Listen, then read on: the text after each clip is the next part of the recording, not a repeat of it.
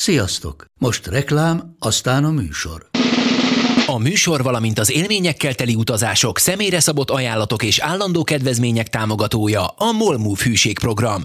Nyisd meg a Molmove appot, a profilodba belépve add meg a Pogi promóciós kódot, és tankolj Molevo és Evo Plus üzemanyagjainkból 15 forint per liter kedvezménnyel. Ne feledd, a Pogi promókóddal most még jobban megéri Molmove tagnak lenni.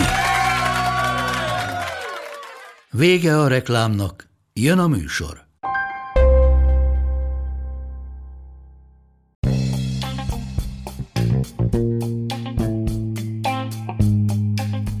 Ez itt a Pogi Podcast. Pogácsa Zoltán közgazdás, szociológus, politikai gazdaságtani podcastja a globális gazdaságról a klímaválság, az automatizáció, a digitális gazdaság, az egyenlőtlenségek és a posztdemokrácia korszakában. Mivel Magyarországon most heteken keresztül 35-37 fokos hőmérsékletek vannak, úgy döntöttem, hogy a mai adásban a nem növekedés közgazdasági irányzatával foglalkozunk, ami szorosan kötődik természetesen a klímaváltozás kérdéséhez, tehát azzal fogunk foglalkozni, hogy lehetséges-e gazdasági növekedés mellett érdemben tenni a klímaváltozás ellen.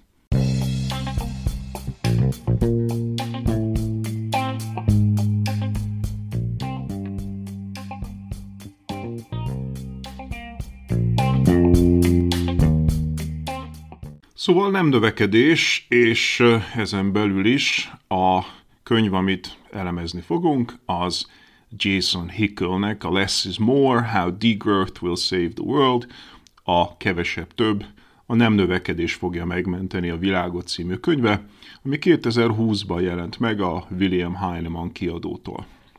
Jason Hickel gazdasági antropológus, érdekes módon Száziföldől származik, jelenleg a Goldsmithben tanít, emellett a London School of Economics kutatója.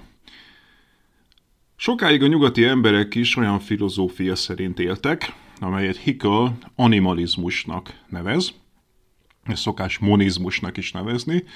Ez az az elképzelés, hogy egyek vagyunk a társadalommal, azaz más emberekkel, de az állatokkal, növényekkel, folyókkal és a tavakkal is, általában a természettel az a meggyőződés, hogy ha elveszünk a természettől, vissza is kell adnunk neki. Nem vehetünk többet, mint amennyit adunk. Kölcsönösség, mint az ajándékozásnál.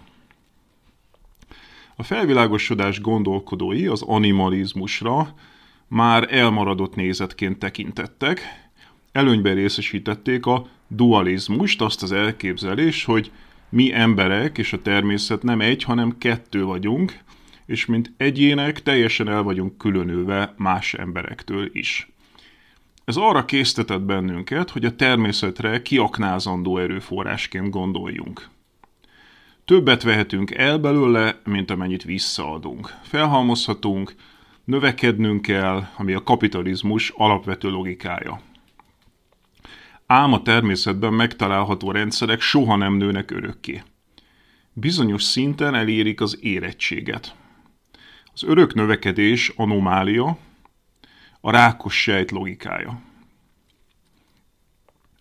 A kapitalocén, a kapitalizmus kiigazításai, avagy Jason Hickel terminológiával fixei. Vannak, akik korunkat antropocénnek nevezik, ám ami ténylegesen pusztítja a világot körülöttünk, az nem az ember, hanem a kapitalizmus. A kapitalizmus pedig viszonylag új jelenség az emberiség történelmében.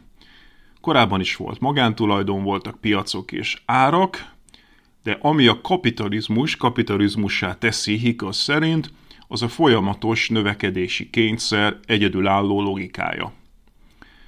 Az 1347-es Bubópest is következtében a munkaerő szűkössé vált, a föld pedig bőségessé. Ennek köszönhetően a parasztok Nyugat-Európa nagy részén elnyerték a szabadságot, vagy legalábbis nagyobb autonómiára tettek szert a feudalizmussal szemben.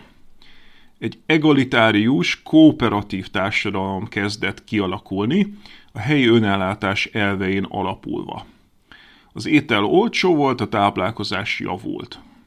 Az 1350 és 1500 közötti időszakot Ferdinand Brodel, francia történész, a proletáriátus aranykorának nevezte. Az önellátó gazdálkodás egyben ökológiai szempontból is aranykor volt. Az eliteknek természetesen nem tetszett a dolgok ilyetén alakulásra. Elkezdték elkeríteni a közösen használt területeket, és kirekeszteni onnan a parasztokat. A korábban megosztva használt földterületeket magántulajdonba vették, ez volt a bekerítések kora. A parasztok elveszítették a hozzáférésüket a közös földhöz, erdőhöz, fához, vadhoz, tavakhoz, folyókhoz és az abban élő halakhoz. Mindez egyrészt elsődleges tőkefelhalmozást jelentett a jövőbeli kapitalisták számára, másrészt pedig garantálta számukra a megfelelő számú munkaerőt méghozzá olcsón, gyakorlatilag a megélhetési bérek szintjén. A várható élettartam és a reáljövedelem csökkent, a táplálkozás jelentősen romlott.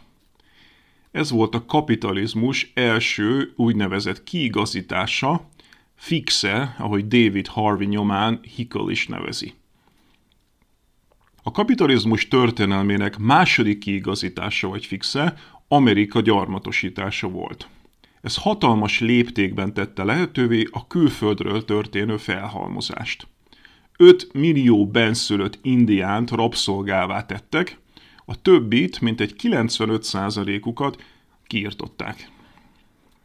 Mintegy 15 millió afrikait hurcoltak kényszerrel át az Atlanti óceán másik oldalára rabszolgának, további két millió meghalt útközben. A rabszolgaságon alapuló kapitalizmust az őslakosoktól ellopott földeken működtették. Ha ezzel a rabszolgák csak a minimálbért megkapták volna, mondja Hikel, akkor ez a pénz most, szerény kamatlábbal számolva is, az amerikai Egyesült Államok GDP-ének négyszerese lenne.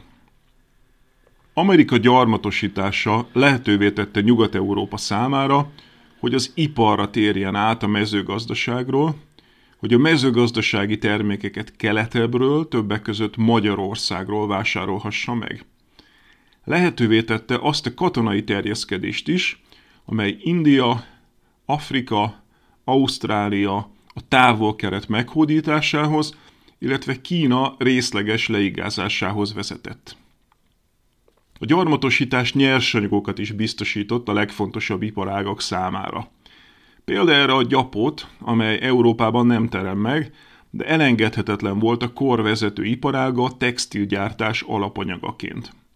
Az ipari forradalom, a kapitalizmus térnyerése és az elsődleges tőkefelhalmozás Nyugat-Európában mindezek eredményeképpen jöhetett létre. Ahogy Hickel rámutat, az elkerítés egyfajta belső gyarmatosítás, a gyarmatosítás pedig elkerítés idegenben. Azáltal, hogy lebontották a helyi önállátó gazdaságokat szerte a világban, egyidejűleg hatalmas léptékben biztosították saját fogyasztóikat is. A gyarmatosítással a globális dél gazdasága összeomlott. A részesedése a globális feldolgozóiparban még 77% volt 1750-ben, ami alig 13%-ra zuhant 1900-ra. Az emberi testet egyre inkább erőforrásként kezelték. Több tízezer vagabundot, csavargót egyszerűen kivégeztek tétlenségét munkakerülését. A nem dolgozást bűnnek tekintették, a munkát az identitás legfontosabb elemévé tették. Ismert módon a protestáns etikában a profit, annak visszaforgatása, illetve a felhalmozás az isteni kiválasztottság jeleivé váltak. A siker az Isten által sugalt hivatásban jelzés volt arra, hogy az illető Isten kegyeltje. A gyarmatosítók ingyen vették el a földet, az aranyat, ezüstöt, és más nyersanyagokat és terményeket. A nem rabszolgamunkát végzőknek kellett ugyan fizetni egy minimális összeget, de éppen csak annyit, ami éppen elég volt a túlélésükhöz. A tőke azonban soha nem fizette meg a háztartási és gondoskodó munkát, ami kemény és fáradtságos volt, és többnyire az elnyomott asszony nép végezte. Fizetetlen maradt, pedig ez reprodukálta a dolgozók munkaerejét. Hickel itt nagyban támaszkodik Silvia Federici feminista gazdaságtörténész munkájára. Természetesen a természet kizsákmányolását is ingyenesnek hitték, ez is csak egy újabb kiigazítás, fix volt. A tőkefelhalmozás, mint a kapitalizmus központi logikája. A kapitalizmus előtt is léteztek piacok, ahol hasznos dolgokat lehetett vásárolni. De a kapitalizmus nem a használati értékről szól, hanem a csereértékről. A nyeresség nem hasznos dolgok megvásárlására szolgál. Ebben a rendszerben a profit újra befektetésre kerül annak érdekében, hogy a cég növekedjen. Egy kis családi üzlet elműködgethet növekedés nélkül, eltartva a tulajdonost és rokonait. Egy nagy vállalat ezzel szemben kénytelen növekedni, különben a befektetők elhagyják. Új piacokra, új országokra kell kiterjeszkednie, reklámok segítségével több és több vevőt kell megnyernie, versenytársakat kell felvásárolnia, és eközben gyakran kisvállalkozásokat kiszorítania. Egy átlagosnak mondható 3%-os profitráta nem lineáris, hanem exponenciális növekedést jelent.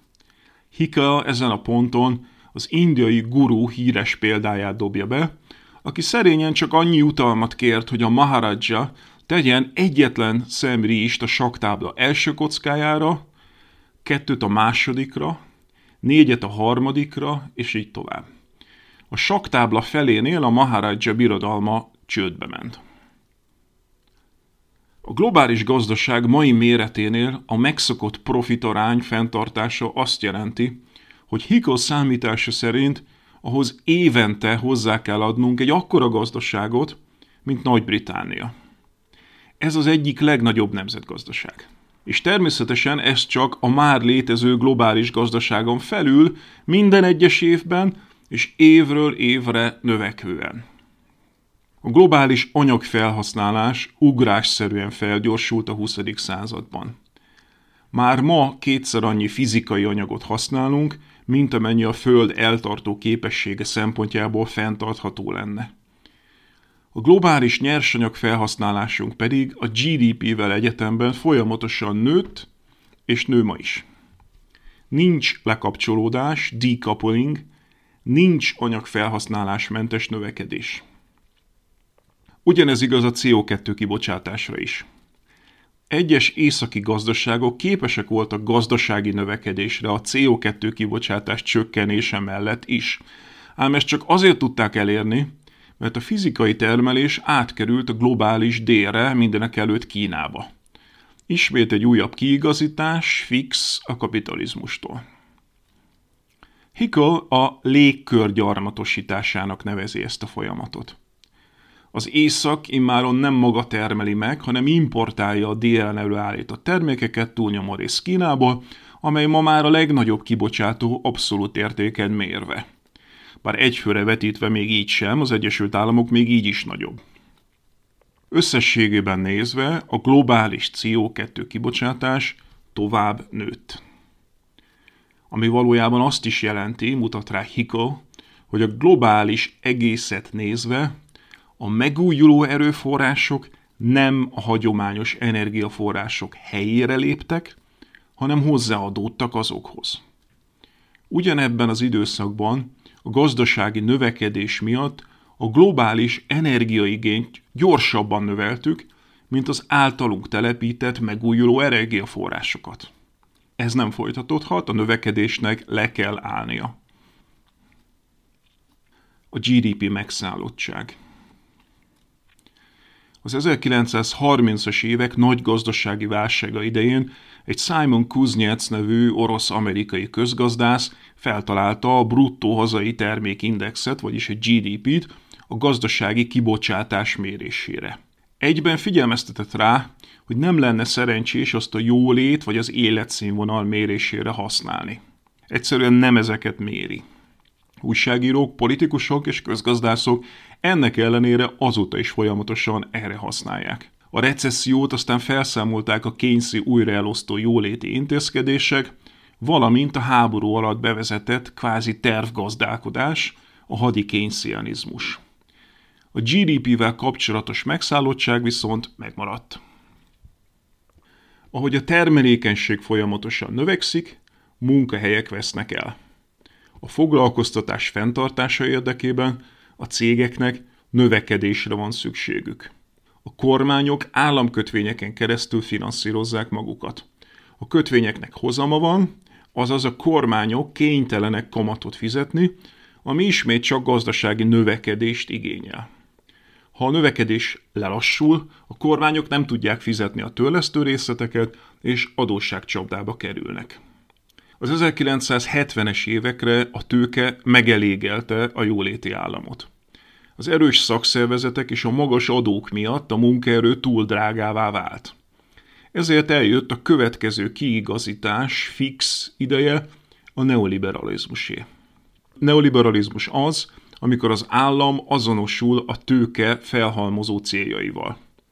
Ahelyett, hogy a lehető legtöbb állampolgár jólétére és használati értékére koncentrálna, az állam célja a vállalatok növekedésének elősegítése. A neoliberális agendát Hickel szerint a globális délre is rákényszerítették a washingtoni konszenzus formájában. Korábban olyan fejlesztő államok is működtek ott, melyek sikeresen biztosították a harmadik világ növekedését. A neoliberalizmus megvalósítása érdekében azonban úgynevezett szerkezet átalakító programokat kényszerített az IMF és a Világbank ezekre az országokra. Miből álltak ezek? Liberalizáció, privatizáció, megszorítások és kedvezőtlen kereskedelmi szerződések elfogadása. A szegényebb déli országok kénytelenek voltak ezeket elfogadni, mert a 80-as években adósságcsapdába kerültek, amikor Paul Walker, a Fed elnöke a dollár kamatlábát magasra emelte. A rájuk kényszerített neoliberális gazdaságpolitika eredményeképpen a globális dél összeomlott, az északi cégek profitabilitása azonban javult valamelyest. Egy újabb kiigazítás fix. Csak azok a javarész távol-keleti országok tudtak növekedni, amelyek ignorálták a washingtoni konszenzust. Globális klímaigazságtalanság. De nem egyforma arányban vagyunk felelősek a kapitalocénért. Mind az anyaghasználat, mind a CO2 kibocsátás exponenciálisan emelkedik a vagyoni helyzettel. Ez azt jelenti, hogy a globális jövedelemeloszlás csúcsa drámaian nagyobb felelősséget visel. A globális top 10% az összes kibocsátás feléért, a globális top 20% a két harmadáért felelős. Az alsó 50% mindösszesen a kibocsátás tizedéért. Ha mindannyian a közepes jövedelmi országok szintjén élnénk, akkor a bolygó eltartó képességének határain belül maradnánk. Természetesen mindenben a népesség dinamikája is szerepet játszik. Hickel egyetért azzal, hogy a népesség robbanást meg kell állítani. Ebben kulcsfontosságú szerepet játszik a nemek közti egyenlőség, a reproduktív jogok, az oktatás és a reproduktív technikák hozzáférhetősége. Azaz mindaz, amit a férfiak és nők viszonyaival foglalkozó kutatások, a gender studies, illetve a feminizmus javalnak. Ugyanakkor rámutat arra is, hogy a globális népesség korlátozása önmagában nem oldaná meg a problémát. Az anyagfelhasználás gyorsabban nőtt ugyanis, mint a globális népesség. A növekedés lényegi oka tehát, hogy a kapitalizmus új és új módszereket keres annak elérésére, hogy egyfőre jutóan is minél többet fogyasszunk. Mint már említettük, a globális dél bizonyos országai abszolút értelemben a legnagyobb CO2 kibocsátók lettek, amikor a gyártást a globális északról kiszervezték délre. Különösen igaz Kínára ez, amely ma a legnagyobb kibocsátó. A helyzet azonban jóval bonyolultabb. Először is, ahogy azt már említettük, egyfőre esően az Egyesült Államok még mindig sokkal nagyobb kibocsátó, mint Kína. Másodszor, ha a fenntarthatóság szintje fölötti múltbéli kibocsátásokat vesszük, akkor ennek 40%-áért az Egyesült Államok, 29%-áért az Európai Unió felel. A globális dél ezen vonal alatt van, beleértve még Kínát is. Az éghajlatkutatók ugyanakkor azt is kiszámították, hogy a globális dél országai az éghajlatváltozás által okozott kárak több mint 80%-át kénytelenek elviselni. A problémás Párizsi klímaegyezmény.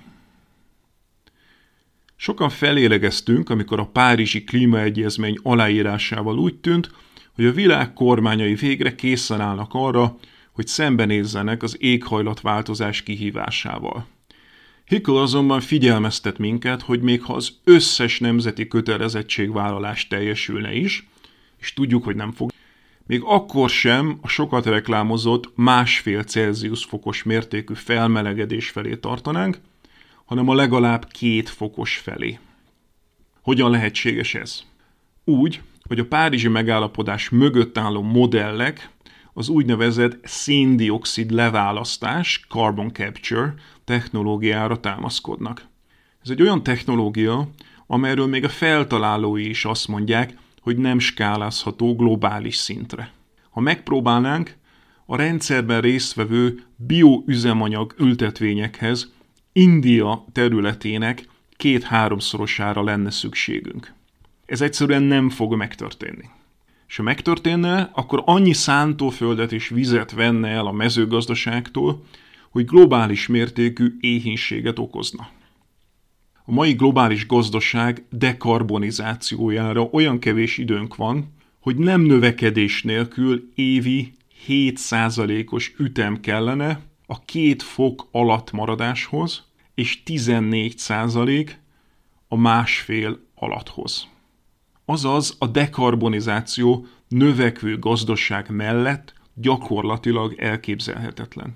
Ugyanakkor folytatódna az anyagkitermelés a napelemekhez és a szélerőművekhez szükséges területeken. Olyan nyersanyagoké, mint a réz, az ólom, a cink, az alumínium, a vas, a neodímium, az ezüst és az indium.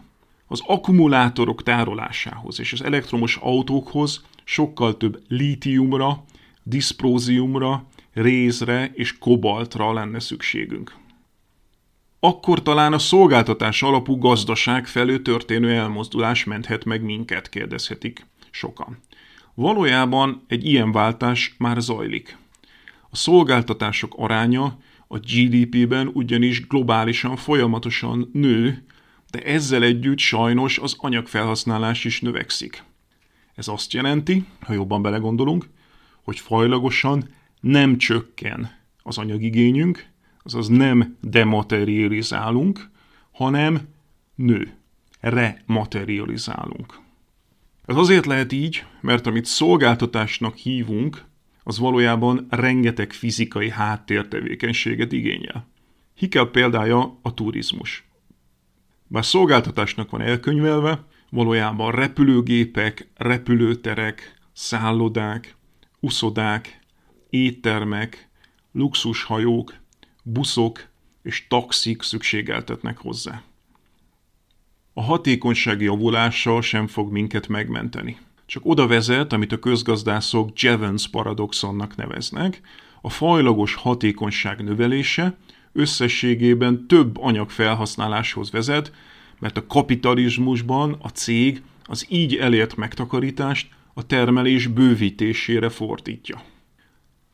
A körforgásos, újrahasznosító gazdaság gondolata pedig, amely az Európai Unió fenntarthatósági politikájának fő hittétele, szintén téves. Először is soha nem lehet újrahasznosítani az összes anyag 100%-át. Meghatározó részét, mint az élelmiszer és az energia feléjük. További hányad, mint például a bányászati hulladék, nem több, mint hulladék. az anyagok minősége pedig romlik az újrahasznosítás során. Másodszor a növekedés logikája összeegyeztethetetlen az újrahasznosító körforgásos gazdasággal. A növekedéshez folyamatosan új, extra inputokra van szükség. Ezért is téves azt feltételezni, hogy az összes anyagi ráfordítás beárazása valahogy megoldaná a problémáinkat. Azon túl, hogy a humusz földigiliszták általi regenerálásának beárazása életszerűtlen, az sem valószínű, hogy a kapitalizmus lehetővé tenné, hogy mindent megfelelő értéken árazzanak be. Ha ez megtörténhetne, akkor már megfelelően beárasztuk volna a széndiokszid felhasználást. Ebben az esetben az olaj és földgáz további feltárása rég abba maradt volna, a felhasználás csökkent volna, azaz már megszűnt volna a probléma, leállt volna a növekedés. Hikel nagyon releváns megfigyelést tesz ezen a ponton. Ha az úgynevezett zöld növekedés hívei valóban hisznek abban, amit hirdetnek, akkor hajlandóak lennének-e elfogadni az anyag felhasználás és a kibocsátás azonnali korlátozását. Miért van az, hogy amikor a nem növekedés hívei ezt az ajánlatot megteszik, mindig visszautasítják őket? Lehet, hogy a lelkük mélyén maguk is érzik, hogy a zöld növekedés nem több, mint egy mítosz. Nem növekedés és egyenlőtlenségek.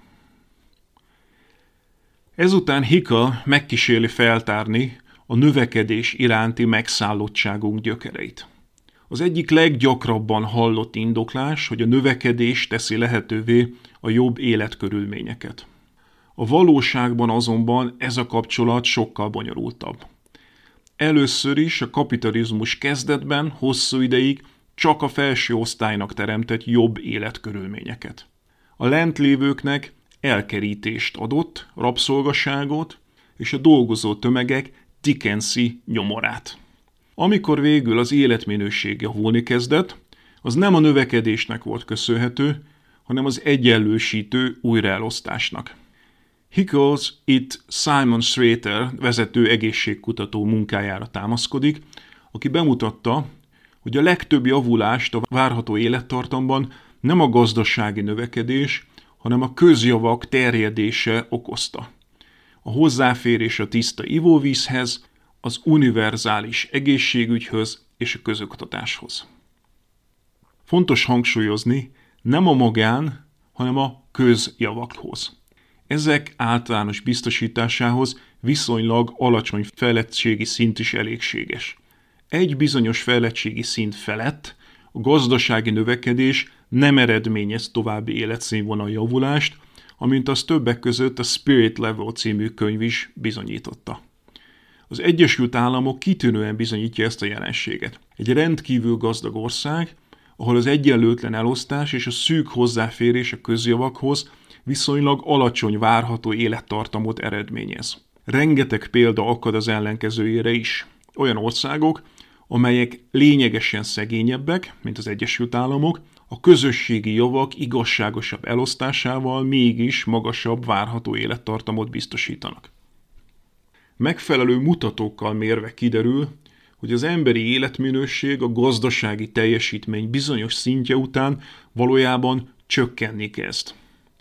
A túl sok stressz, a túl kevés szabadidő, a rossz minőségű környezet, a túl sok munkaóra, a közösségi élmények elvesztése, és különböző egyéb tényezők okozzák ezt. Hosszú évtizedek óta szuggerálják azt az ideológiai alapvetést, hogy a növekedés javítja az életszínvonalat. Valójában ez nem igaz. A növekedés elsöprő hányada világszerte a felső 1%-nak és a 10%-nak jut. Az elmúlt években rengeteg adat látott erről napvilágot. És mindez a gazdaság már eleve gigantikus egyenlőtlenségeinek tetejébe.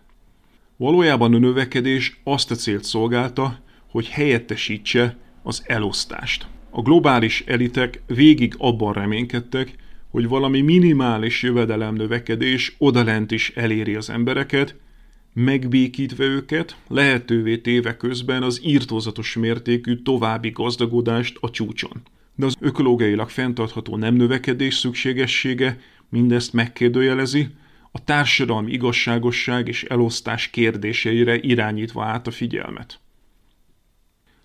Megoldások A megoldásokra Hickel visszautal korábbi könyvére, a Divide-ra, amelyet szintén nagyon ajánlunk. Ez olyan javaslatokat tartalmaz, mint a globális minimálbér, az tisztességesebb kereskedelmi szerződések, az IMF és a WTO a WTO döntéshozatalának demokratizálása, valamint a legszegényebb nemzetek adósságának eltörlése. Ami az adósságot illeti, Hickel gyakran hivatkozik David Graeber néhai antropológus munkáira. Ezen kívül megemlíti a tervezett elavulás betiltását, a reklámok korlátozását, a megosztásra alapuló gazdaságot, a sharing economy és az élelmiszer pazarlás megszüntetését. Megemlíti az olyan iparágak visszaszorítását, mint az energia, az iparosított mezőgazdaság, különösen a vörös húsok előállítása, a fegyvergyártás, a magánrepülőgépek és a kereskedelmi repülés, az egyszer használatos műanyagok, a gyors divat, a fast fashion és a sportstadionok. Ezek csökkentésével egyben csökken a szállítás, a raktározás, a hulladék ártalmatlanítása és más kapcsolódó szolgáltatások is. Az adók önmagában nem fognak megfelelő hatást elérni, kifejezetten szigorú mennyiségi korlátokra van szükségünk. Mi a helyzet a foglalkoztatással? Az új munkahelyek egyik forrása maga az áttérés a megújuló gazdaságra. Az államnak ezen felül munkagarancia programot kellene működtetnie. De mindenek előtt csökkentenünk kell a munkaidőt. Ez több ember között osztaná meg a munkahelyeket, szabadabbá és boldogabbá tenne minket, és hatalmas pozitív környezeti hatással is járna.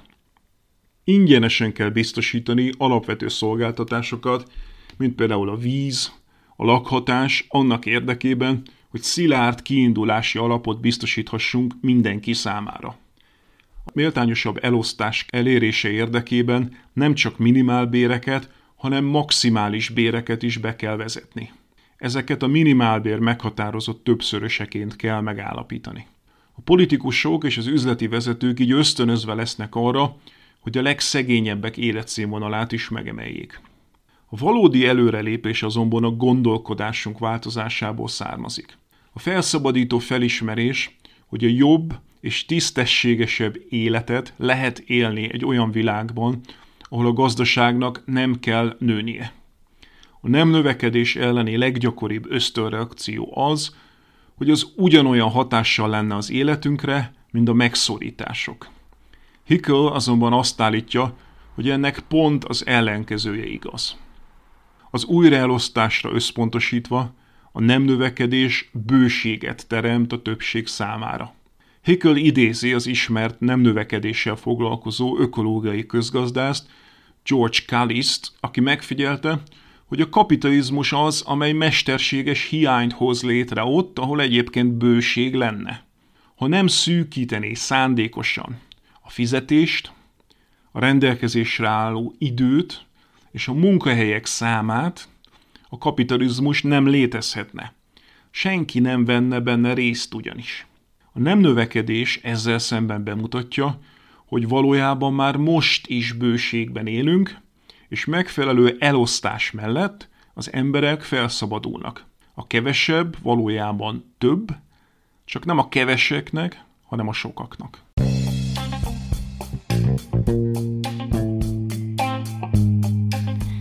Volt ma a Pogi Podcast. Ha vitába szállnál az elhangzottakkal, vagy témát javasolnál, keresd a Pogi blog oldalt a Facebookon. Ha támogatnád a podcastot, azt a www.patreon.com per Pogi Podcast oldalon teheted meg. Köszönjük! Ha más podcastekre is kíváncsi vagy, hallgassd meg a Béton műsor ajánlóját. El tudod képzelni, hogy a podcastet, amit éppen most hallgattál, fél év múlva már a mesterséges intelligencia generálja? Mi sem. De ha érdekel, eljött már a gépek lázadása. Hallgass bele az Embertelen podcastbe. Orsós Lajos vagyok, a műsor házigazdája. Egyelőre még élőben. Egyelőre. Fedezzük fel együtt, hogyan ismerkedik, randizik, mesél és vitatkozik Betty és Péter, két teljesen mesterséges intelligencia. Lajos, a podcast címét mond még egyszer, Léci. Oké. Okay. Embertelen podcast. Ez a műsor a Béton közösség tagja.